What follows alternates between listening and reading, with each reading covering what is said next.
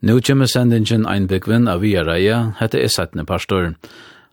Taurur Mikkelsen, vi kjær, 46 år gamla, Mitchell Sørensen, som i 36 år hever bo einsamatler i ødne Kingitok i Sur-Grønlandet. Rune Esterløy er teknikare.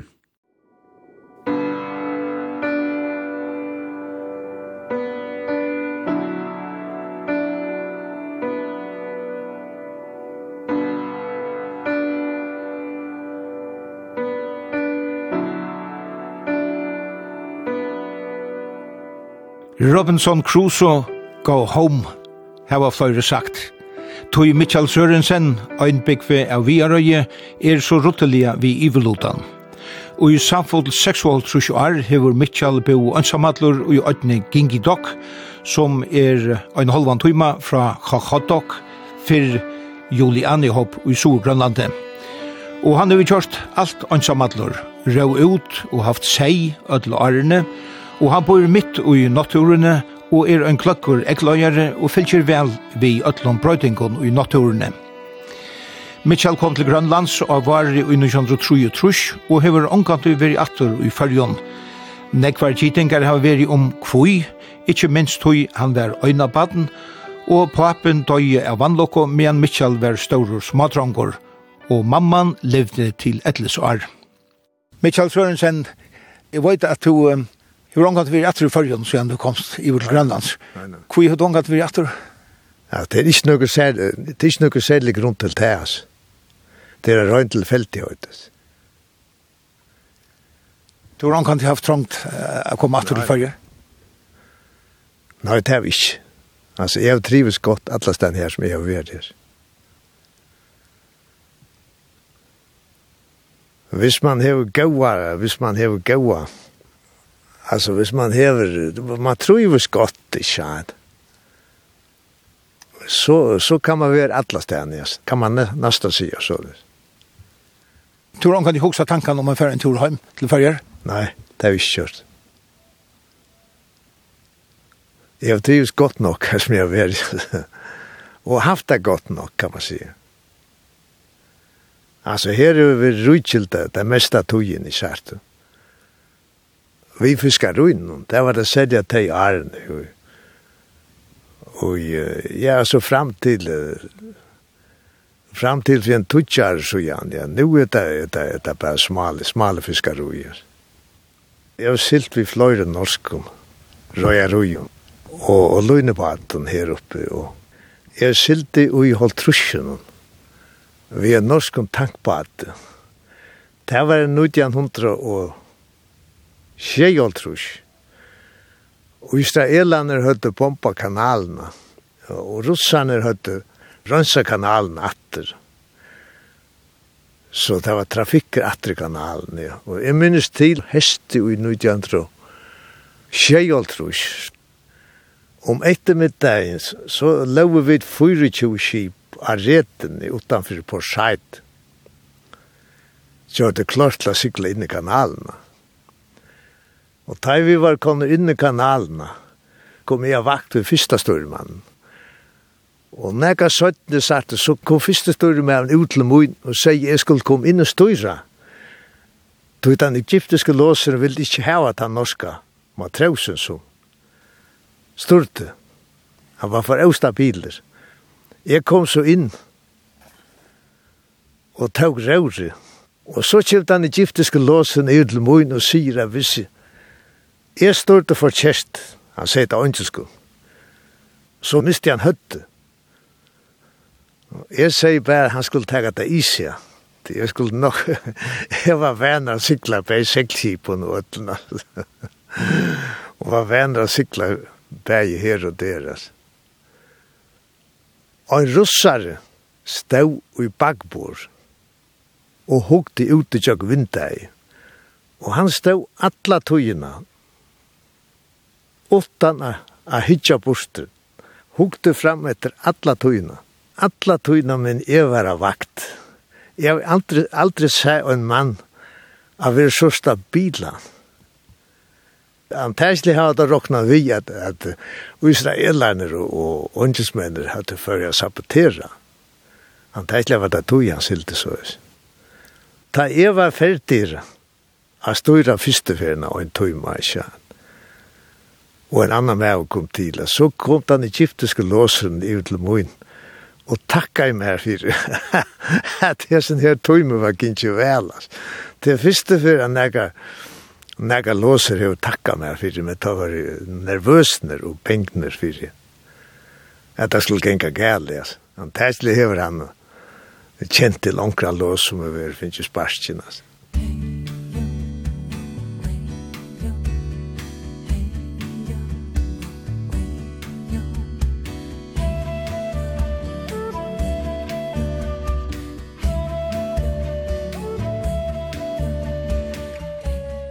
Michael, hva har vært den største brøydingen helt to, til jo Arne Tove i Kvalland? Ja, det er det at det danske systemet her som fungerer ikke godt og var absolutt ikke kolonialisme enn nærkere ærstas. Da tjøkneste grønlenderen, mævn og kvinna, hadde heita betre æren, høymastur ble innførstas her oppi oss. Ikke tvil om det, altså. Det er bøylater av givet av Danmark, sa du. Er for dreia bøylater, som holdt. Du kan ikke samanlukna for det gamla Grønland vi, det gamla fyrjar, altså. Altså, hvis du, hvis du for eksempel gonger tilbake til hans eget, Det som hans eget og, og, og, og, og, og tøyre som tøyre mennene satt, for blant annet syner hans eget, tøyre bygde alt opp. Hver øyneste bygd, satt du, fikk sitt pakkhus, og du kunne selja alt. Fisk, kaup, kvæl, alt ble kjøpt, og det var kanskje en, øyne, øyne 2015 Sari Pakkhus, alla stedene i kusten. Øystenkar Kotto. Hva var det førje? Hvis du skulle selja nega og, og i havnen, for eksempel, lukka mykje hva det var, så skulle du rekva til havnar. Du skulle ikke rekva her. Ta det sjølv ut batar her, bei arabatar, seglbatar, stor, ja, so so so konglig handelen heias i 1791 så innhandla i fengarnir i diskobukten 31 størskvæler og fink altså stor pengablov fyrir det tar fink gratis rifler og bysser fra, fra de kongelige handelen hva fekst du i fyrir I fyrir la alt nye lortet samanlukna vi Grønland.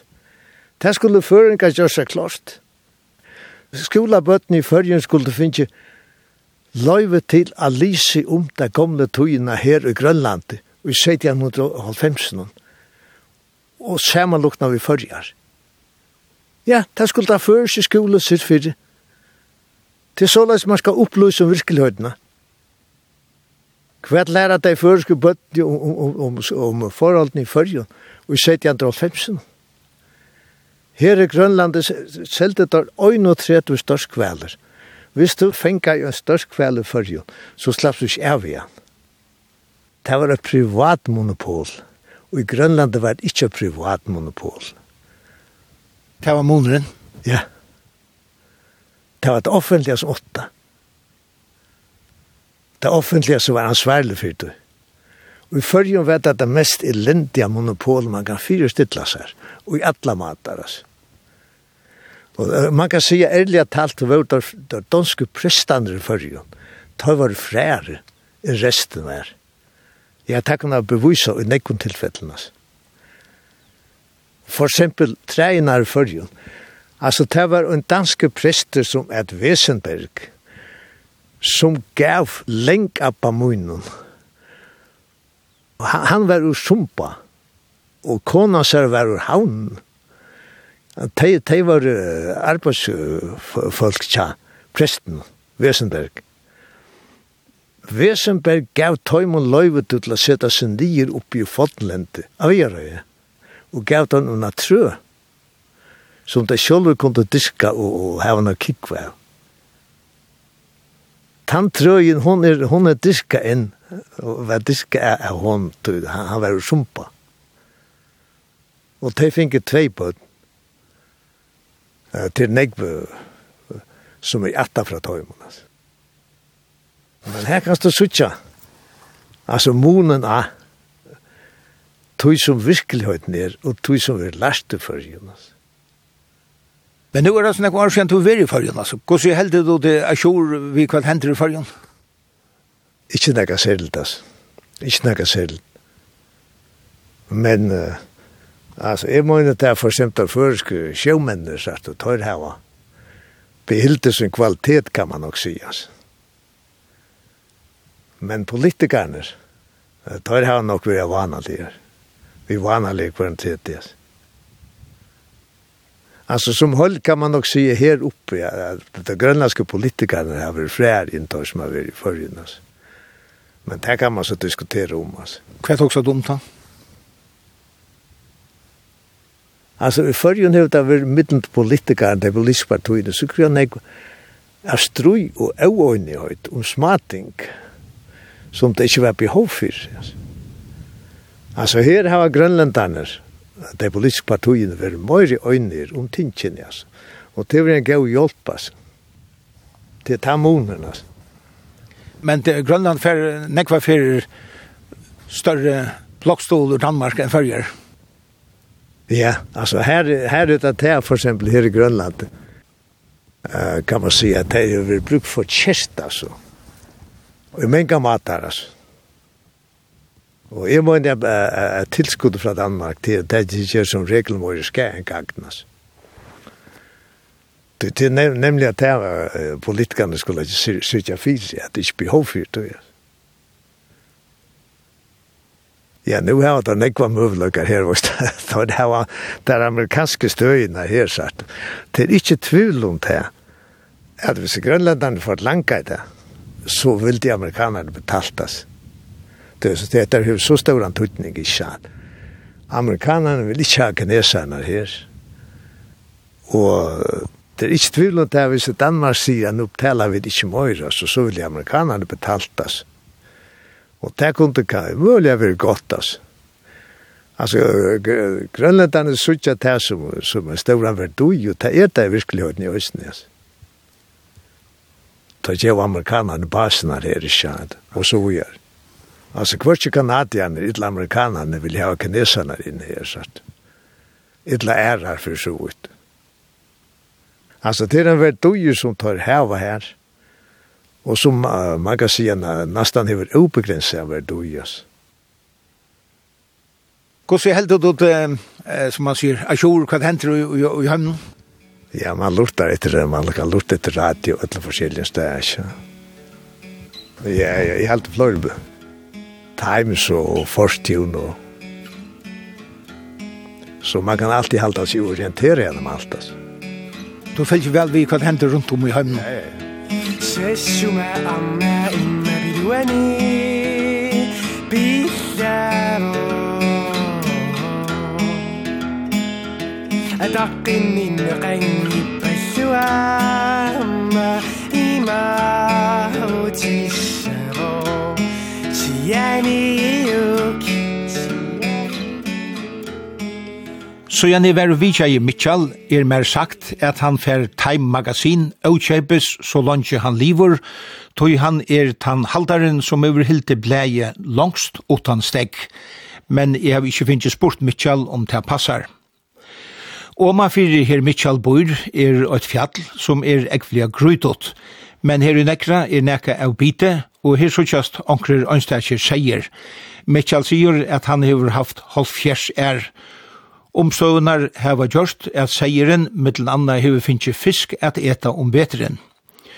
Høvusvinna hansare hever korten i alla tøyina veri udraur, og det er ikkje så løye at han hever sett seg nior just her i Kingi Dock, tøy odgen hever lije mitt i fiskenon, ta nekvor fiskur vær at få i Sorgrønlandet. Jag ska ikke bare en turné nu. nå, hvor som...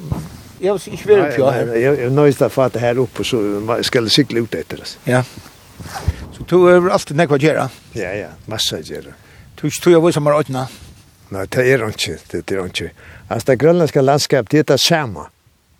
Ja, det er det, det er mest av det, altså. Men det er hotekant? Ja, ja.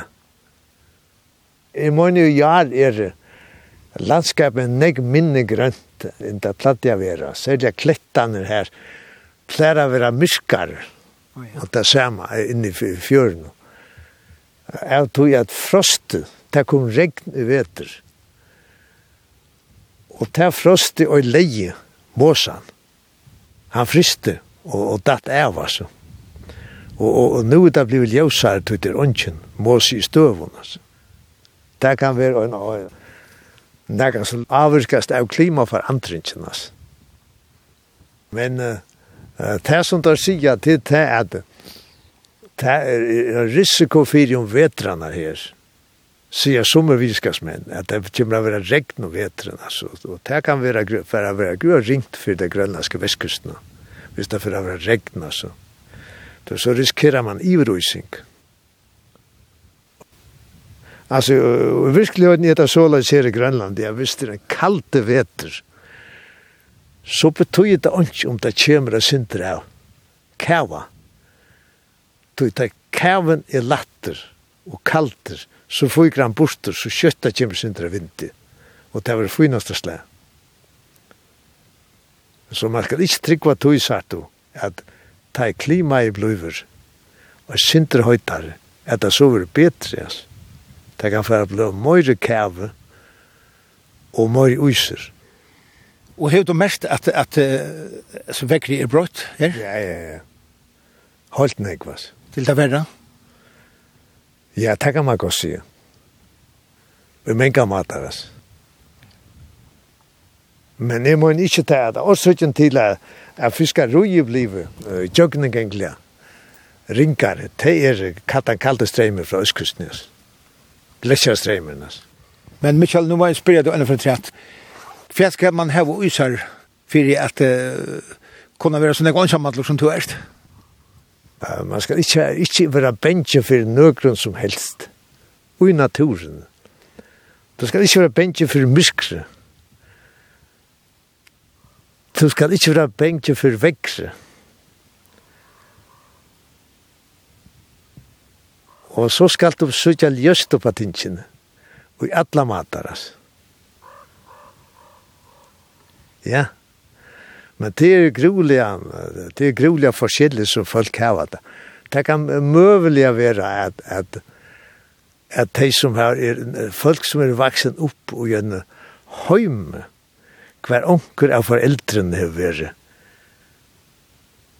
vært personer som er bekymret seg negv at man så har finnje lart av at såleis skal man ikkje vera sjolver som øyna foreldrene væras.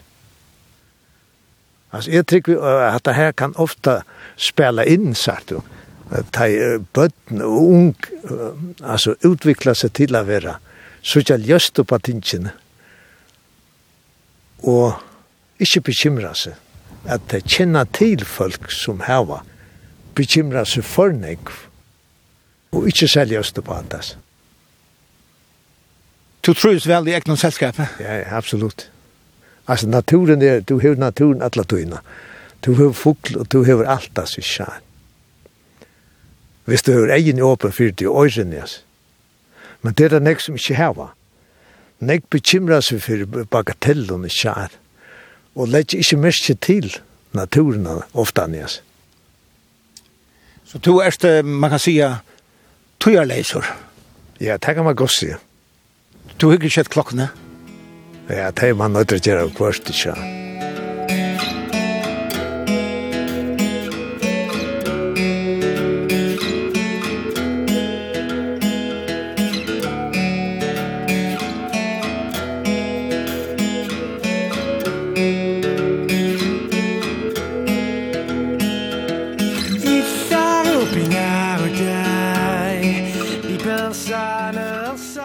Mitchell fylgjer vel vi i grønlandskon politikken.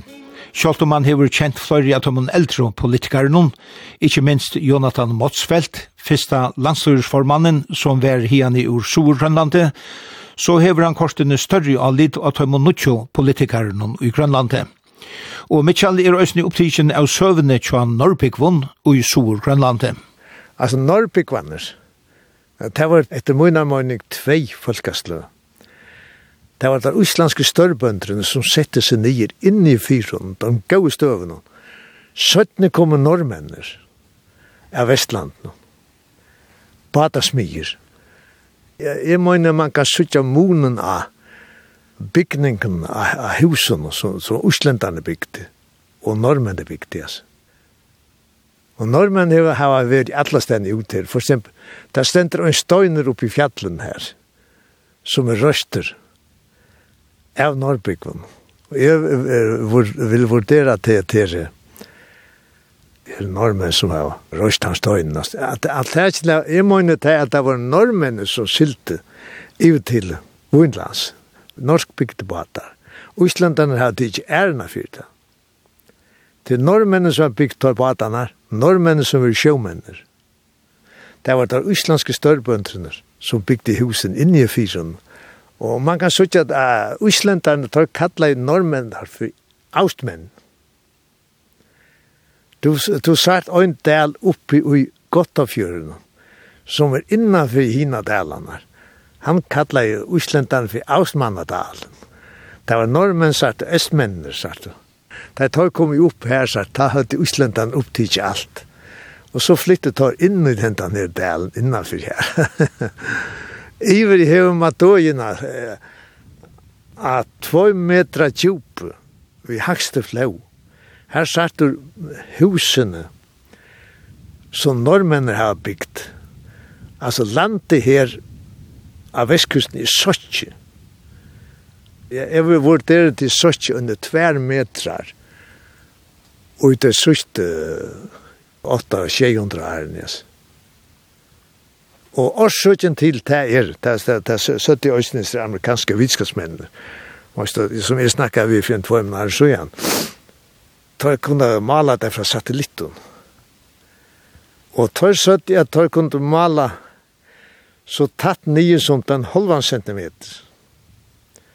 Og tar kunne sutja her et land av vestkusten, Det søkker 1 centimeter akvarien har. Og årsøkjen til det er at uiseren smeltar av østkusten. Og det er ikke vekten av landen vestanfyrir som gjør at det søkker. Men til det er at landet estanfyrir litt seg oppa sagt. Og så koppa Grønland. Og det gjør det vi, blod det vi å gjøre. Og ta vidt ikke hvordan langt det blod vi, altså. Men hatt er lett å forstanda ikke sant? Det er veldig gletsjan her, østkusten er, og, og veldig uis tjukkje uisen her. Det er forklaringen på det. Men Mikael, har du omgått å være et eller stattor på nekra måte? Nei, nei. Altså, man kan sjål at det er alt hvis man oppfører seg. Uh, sikler er vanlig vekkere, det skal man ikke gjøre, altså. Man skal sikla til vekkere, vekkere godt, altså. Men det er ikke brann på hver, hver, hver, hver man sykler, altså. Alltså nu nu det är gruvla viktigt att man man dog att cykla som sjömävare i sjön. Folk som inte klarar cykla, ja. Det skulle ikke inte altså. Nei, la, så landet er søtje her. Du kan søtje gulvet at han husene som normene har gjort. Det ligger stadigvæk. Jeg er alltid at det blir santer i utøvende, altså. Det er det som er beskrykt av gulven. Man kan sitte ståndsetningene. Ja, hon er, er godt og vel tvøyre metrar, altså under Haksteflau. Og man kan sitte her som normen har byggt husartu for henne. Hva er det, 800, 900 år, så igjen, yes. Tar er kommer 18 av Østlendene her, ikke? At det var fiskehus. At det var et grulig godt fiskeplass, altså. Rokkne Evias. Alltså det, det som man kan möjliga fyrstilla sig till det att, att norrmän är förflikter. Det här förhållandet har blivit vanligare här uppe. Alltså. Uh, 1400-talen ett land är alltså. Og så man kan fyrstilla seg at den første plassen som har vært avfolka her oppe, det har vært tekja normen, altså. Det har simpelthen vært i stand til å flytte bort, altså. Vi er ikke noen fartøyen, som man sier. Og jeg mener ikke at et Norrbyggvann er, er der ute av, av, av vekkri og, og gulta i høyr ikke, altså. Det må det er størt misforståelig. Ikke minst at du i gamle døven, lukka mykje kvært av her, ta var folk sterkare. Og i alla matar, inntil i okkara tog oss. Livet aldri var nek lakre. Ja, det kommer seg sjolvun i sjad. Så det er slite var som ikke hardt ofta nu. Ja. Man har jo lagre standard i alla matar. Her som Mitchell bor, hever han et hus, her seieren kan løyta seg under tek av vetre, og så sethusene som han bor i. Til færre til bæg i husene fekk han en sånn negv ånder her i Øsjonon fra store flåstøyene som amerikanere høtte under krynon i Narsasovak, og som helt opp om til munte Mitchell bosettes i Øtne, miskøyes i 60 årenon. Han fekk hjelp til at teka nior og at flyta tilfærre ut i ødna, men så gjerne smuja han alt sjolvor. Nå kan si du, Michal. Fert å se etter nå. Fert å se etter nå. Nå kjan tur. Nå, Før kjenna.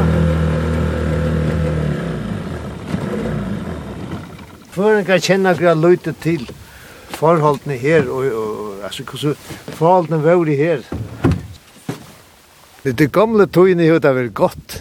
Det var fullt av fiske, Skutt fullt av fiske, og en helt annan sart liv, fullt av, av kveld og fullt av fugler. Sjøfuglene var enorme i gamle togene.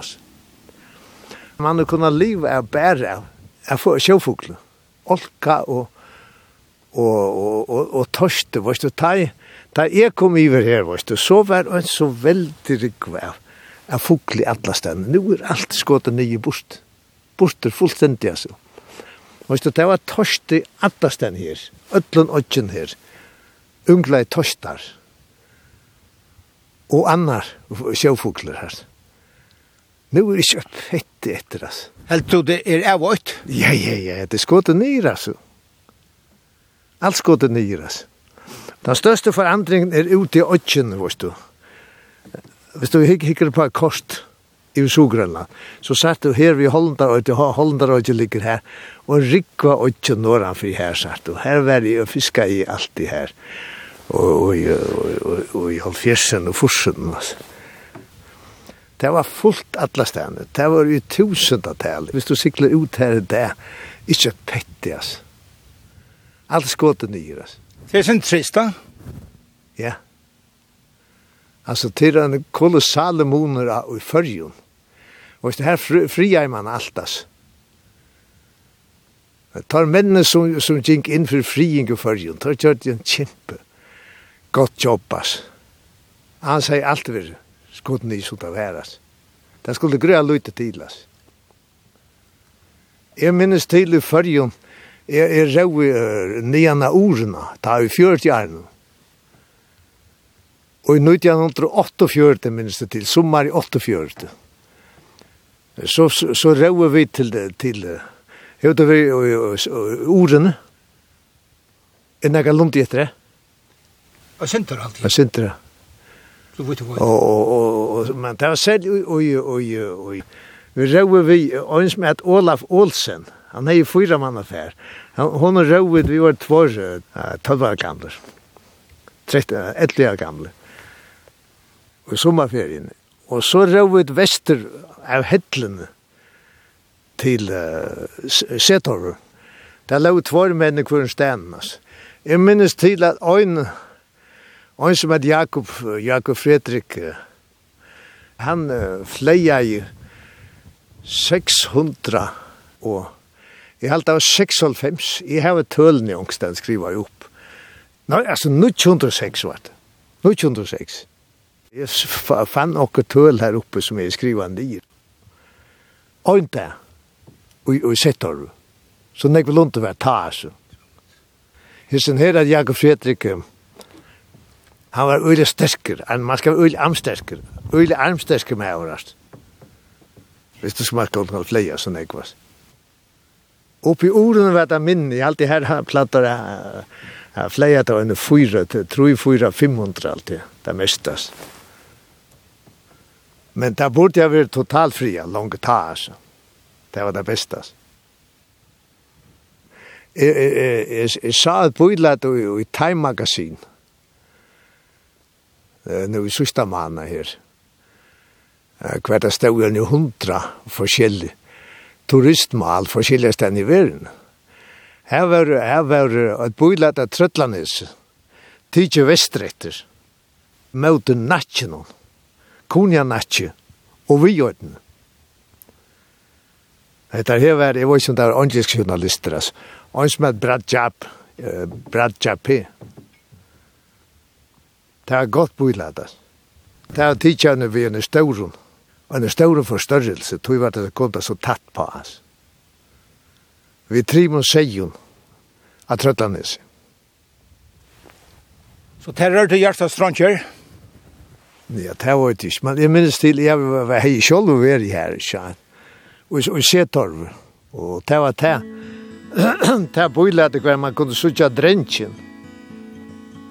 Han var ganske visst stå i møter. Ja møtet landen her, så det var ikke 100% klost. Altså.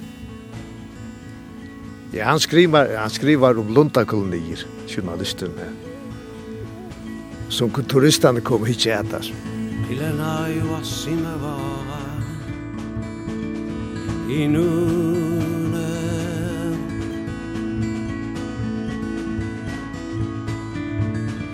Azur safi enut inga ingat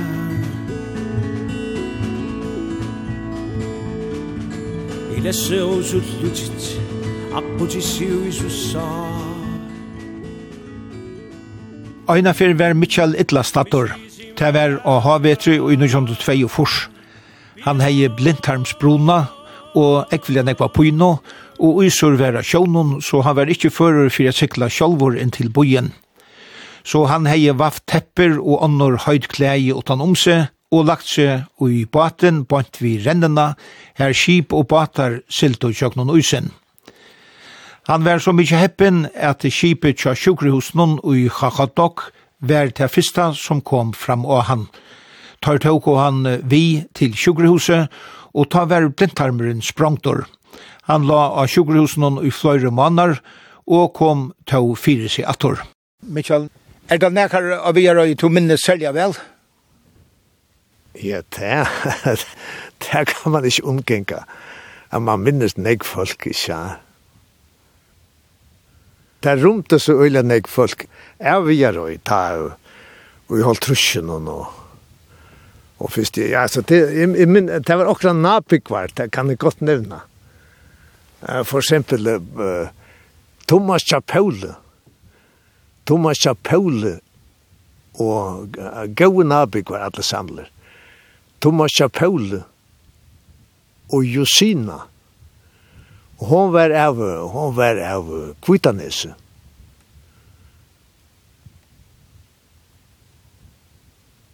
Ja, og det var, det var flere gamla koner, man minns jo helt ikke sant. Så visste nek om det gamle dagen hans. Vi er over selja godt fiskeploss, Aren Trollarne kom, jas. Yes. Og nek folk kom ærastan fra alle vi er, så det var fløyre. Det var nek folk satte som var, uh, som var kom ærastan fra. Og jeg slise nyer her. Og så kom trollene og lødde alt ikke. Så var svært i ødlen førjen, altså. Da fremmede trollene, det var en ulukka for førjen, altså. Tog dette gav ikke fiskevinnene. Tog til man kan si at det er kommet fyrir seg, Og så ble man hengat i de gamle sluppen, altså. Jeg minnes til uh, vi, vi, vi energy, vi var jo, vi, vi, til han var en slupp av tvørøyre, energy, Om var jo tvei altru, så var jeg vi, vi henne, tog sluppen. Det var en vanlig tur. Jeg minnes til alle seg nutje åndeliske trålarna ta. Sjuraberg og Janus Petterssons land. Og tar hadde finnes ikke nudja trålar, tja, det var kjørt, tar kjørt etter ratta, og norrmenn røysene. Føringar blei hengad ut om gamle her, altså. Som var katastrofalt, i føringar høy høyt og gau og sjåfølt, altså. Som sylte fri ærar, altså. Ja, Thomas Chapauli og drikka, ja, og Hendrik Fugle og, og som kjente godt, altså Det var forholdsvis negg folk av gæren og ta og nu tjente fjørs jaren, men så flyttet sjåan til alt. Grann negg var først som flyttet bort, altså. Jeg minnes til at Henry Johansen, han kjøpt, han er vel kjipar, han kjøpte en lastbil. Jeg halte det var, det var 24, 48. Og han følte så av køyre, vi er sånn her last, lastbilen. Tvei, det var en, en, Bedford, jeg held det tvei tons, tre tons. Og tar høtt i en gamlan, åndjeska militærbil, vi almindelig og væren, til, til og fra posten. Altså. Men Henry får arbeida oppa ved, a gjera vegin, for lunge vegin til møte, møte, kvannasund, altså. Og han kjente, han, han kjente øyne av mannen som var kontorsjefer alltid, og i landstøren. Jeg halte det, han var familie vi tar, Henry Johansen. Og det var, og det var alt, alt følelse, det vaksne følelse var bort og sommer. Jeg minnes til at Sven Fugl, og jeg, vi kortes vi, ja, vi var lykka blivner. 14 år gamle. Og vi manna er så bilen til hon. Han, han fikk avtale ved landstyr om at han, han fikk vilka penger til dette her. Vi kjørte så vi kjørte så 100 meter av hverjen somre. For lang, jeg vet ikke på 100 meter. Og uh, Julius Lassaberg, han var telefonmauer. Men han, han kunde allt. Han borra i. Han plattade jag borra en 15 hål alltid. Och i klätten. Och så språngte han alltid sen. För jag får plats för vännen.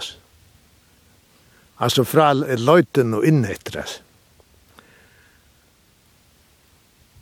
Og jeg og Sven Fuglo, vi fyllte lempa i så etter her oppe i bilen, ja, Henrias.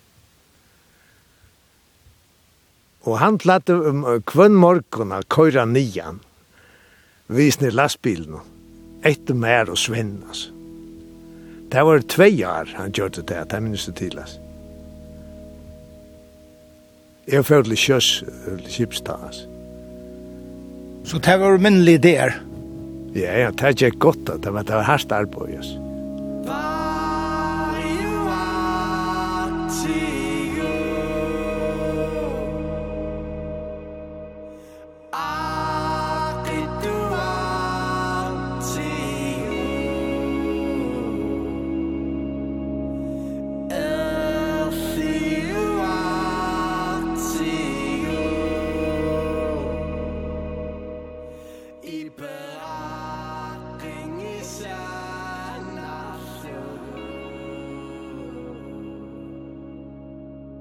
Mitchell Lottmund Sørensen, som er hans herra fotla navn, er framvegis Luka Kjolbjergjen og i allar matar, nu han er bliven 46 år. Etter tørve sikler han vid jollene inn til bojen etter gasse og erere vøro, så han kan lupjaga seg uti i ødne. Her inne gjer han kjøtt av, tåsar vi teg han hitter, og så skuntar han seg utater i ødne. Arjen Mitchell kom til Grønlands som unkor, fekk han om endan av slupptøyene, og ta damar honom vel at ta seg om. Jeg minnes til, jeg var vi, vi, vi energy, vi, vi fikk nødja skipare, og en fullføringer ble skipare. Det var en skip vi, vi 34 hesta motorer, altså. Og Vi fikk en nutja, en nutja, en nutja motorpassare. Han var att av det, Saltnes. Men bo jag syra till Elias. Peter Jul Jakobsen. Han var smirjar fyrra turen. Og sötna turen, altså, blev han motorpassare. Og Hoko ur Vaje blev smyrjare. Och var en gammal nyslite motorer. Og skiparen var gauur, og vi finket så øyla godt vever. Vi lau alltid og fiska i uti av, av gagebankan, utanfor syklefjøren, altså. Alt var godt vever til sommar, skuddfullt av fiske, stauren fiske. Og det øynaste farta vi sjau, det var ongeska staura trålaren som silti av, av nesgrunnen, av kappagrunnen, fiskfiskapaddar Det var ondjeskute trålar av sin her. Ondjesmenn høyde bæra mot her når jeg trålar ta. Jeg minnes øyne til om var fiska i vidt uh, vestan for åttjanar. Det var greia vanal vever, illvever. Ta kom jo seg ondjeske trålan ofta tatt siklade for bojokko. Og öll manningen stod uti av og vottrei til disse her føringarna. Det hette var, Hetta høyde det ikke tro på. Hvis du hadde hørt fetrarna fortalt på, om der gamle dæner. Her stod vi vidt og hiva i torsken opp i seg. Det er fantastisk vart. De stod vi vappa inne. Ja. Jeg ofte vet at så ringte vever, det var ikke vever. Og drev ut av hånden til oss. det var, ja, og så, om, om sommeren følte vi så, det var fullt av fiske av Nordland. Så vi fyllte kjøtt lastene opp. Jeg minnes til at um, er smyrjaren, Peter Jul Jakobsen. Og stå, vi får alltid inn av Siklefjør, leierkvölden, og lau inn i sunnedegin, vi tog i Agni tjad. Og Peter Jul Jakobsen, du, han rønsa, han skilte motoren sunder, kvann øynasta sunnedeg, og rønsa i alt som det var. Skilt stempelingar blir rønsa i, det er alt var slite nyer i tjad, motoren så landet som i livet, minnes det til. Og en sånne dag, jeg kom opp og jeg drukket kaffe. Alt annet middag. Så kom jeg opp ur lugaren og gengje atretter. Vi møter kappan til maskinrum. Her stendte Peter Jul Jakobsen. Han kikkar opp ur luken, uh, ur luken ja, tog av maskinrum. Han er svartur om alt ansikte og høyla lort og svart. Du maskinrummet var det var fullt av sjøt. Alt læg så ytlan, sagt og Alt var slite eh uh, bæje, bæje, stempelingar og alt, vart. Og åsa i alt til maskinrummet. Så kom man inn i maskinrummet, så blei man svartra sjøtas. Men hetta kjørt var han nøyte til å gjøre kvann sunnet det, annars er skipet livet altså Peter Jul Jakobsen. Du kjenner han? Jeg vet ikke, han var sist navn av Ammoina. Ja, han bor, jeg bor i Sidadølen. Og tvær siden han sa var vi. Det minns jeg til. Altså, vi fyllte skipet opp under luken her. Jeg løp jeg tvær mann alltid. Jeg halte det var, det var, det var, ja, det måtte være 20. august så var, var skipet fullt, altså. Men det var bare at Peter Juhl hei syrst fri maskina. Motoren tjekkas og skulle rannsas sunt sundags. Men det, det var ikke sånn at det unga folk ikke lytte om. Tøy, det eneste tar jeg hørt til reip om hvor så godt det tjekk vi kom til døven i kjær. Ja, ja. Jeg var selv vi å sykla. Ja at han hater her til vi føreskun skipun oss. Og kjente hva det var, altså. Realiteten var tøyre av visse. Da føreske sjømenner, ikke for eksempel sjølve rønsa i motorene, kun det. Ja, så, så lau i skipen, ja, som jeg da. Jeg må jeg ta glemte menner. Jeg har ofte hukst om det. Ta glemte menner ut i føreske sjøvene det var maskinmenner. Jeg silte vi fløyre av skipene tja, tja, Jakobsen i Klagsvuk. Hvis maskinmenner ikke hadde tidser av til ekstra, så lau i skipene, altså. Og så la svart at sikre over hele linjen, altså, og i forrige, altså. Så til da glemte menner, til maskinmenner. Mitchell hever alltid haft stauran ahua fyrir samfélagsvige i skifton, og honum damar vel at tåsa om folkeetkvøvna i 1946, som han minnist vel. Thomas Chapaule, han var folkefloksmæver. Det var Nabik var estafyr. Ja, Anna Mauer Thomas, og hon var ur Fuglafyr. Det var hampafolk. Sjoldan hampafolk. Og han var folkefloksmæver, Thomas, Vi minnes til at uh, Hakon Tjurshus, og han var vinmenn, Thomas. Jeg minnes vel til Tar Valtjevær. Ta var vi uh, vid skoladrøntje, vi var i skolan ta kvöld. Ta er stemna blir listna upp. Og jeg minnes til at Thomas var ugroliga gående. Han er snakka uh, i, i telefonen til klagsvukar Og jeg finnes jeg vita at det var 500 og forshaltig stemmer og i Klagsvik. 500 fors, og han ble vi a råpa 500 fors for løsningen. Jeg må si at jeg unga til selv er av ikke. Det må jeg innrømme. Jeg har jo ofte har jeg vært borster, ikke oftast av togene. Men jeg må ikke til at at resultatet var en størst skuffelse. Visse føringar, for eksempel, hadde Finche, tidsi sjålstendig høyde, 1948, så ville det komme i tatt samarbeid med åndsmennar, og i tatt samarbeid med norrmennar, og russarna røysnes, utan å få bondestilnegas. Og resultatet ble katastrofalt, ringt altså. Det var, de mennene som kom til, var noen gamle embetsmenn, til det ringaste følelse du kan seta i politiska toppstillingar.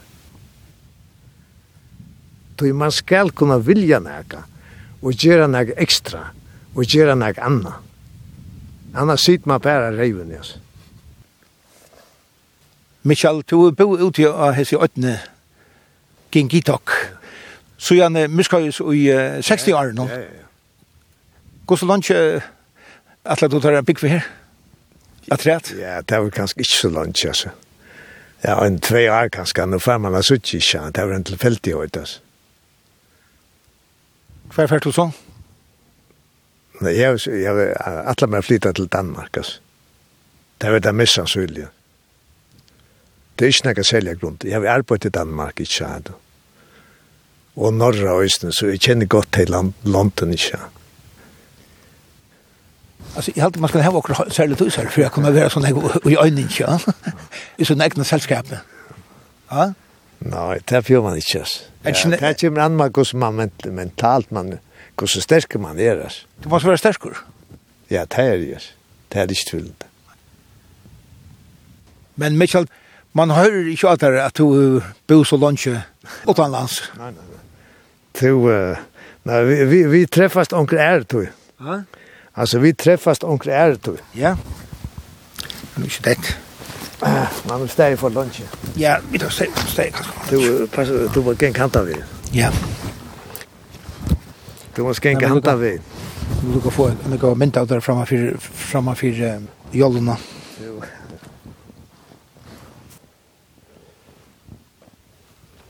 Om jag kom til å følge at det vet man jo aldri, så. Altså, og på besøker.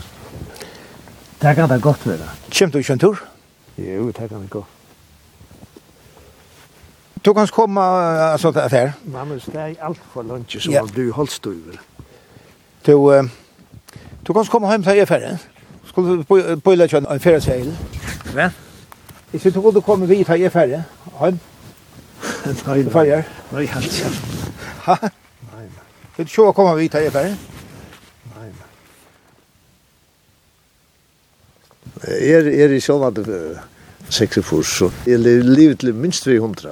Det har vi råkna vi nek herrens her, men på at det fyrt. Det kan være man man kjør en tur til førjar man tvei år. Ja, du er velkommen.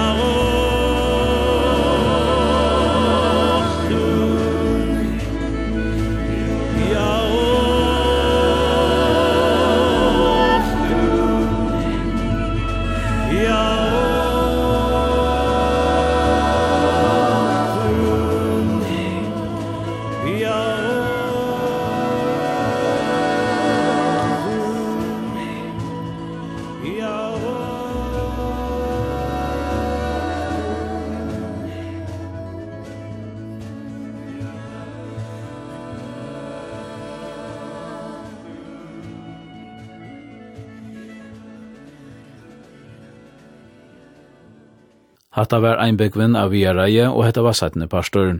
Taurur Mikkelsen leid til Rattes, og Rune Østerløy var teknikare.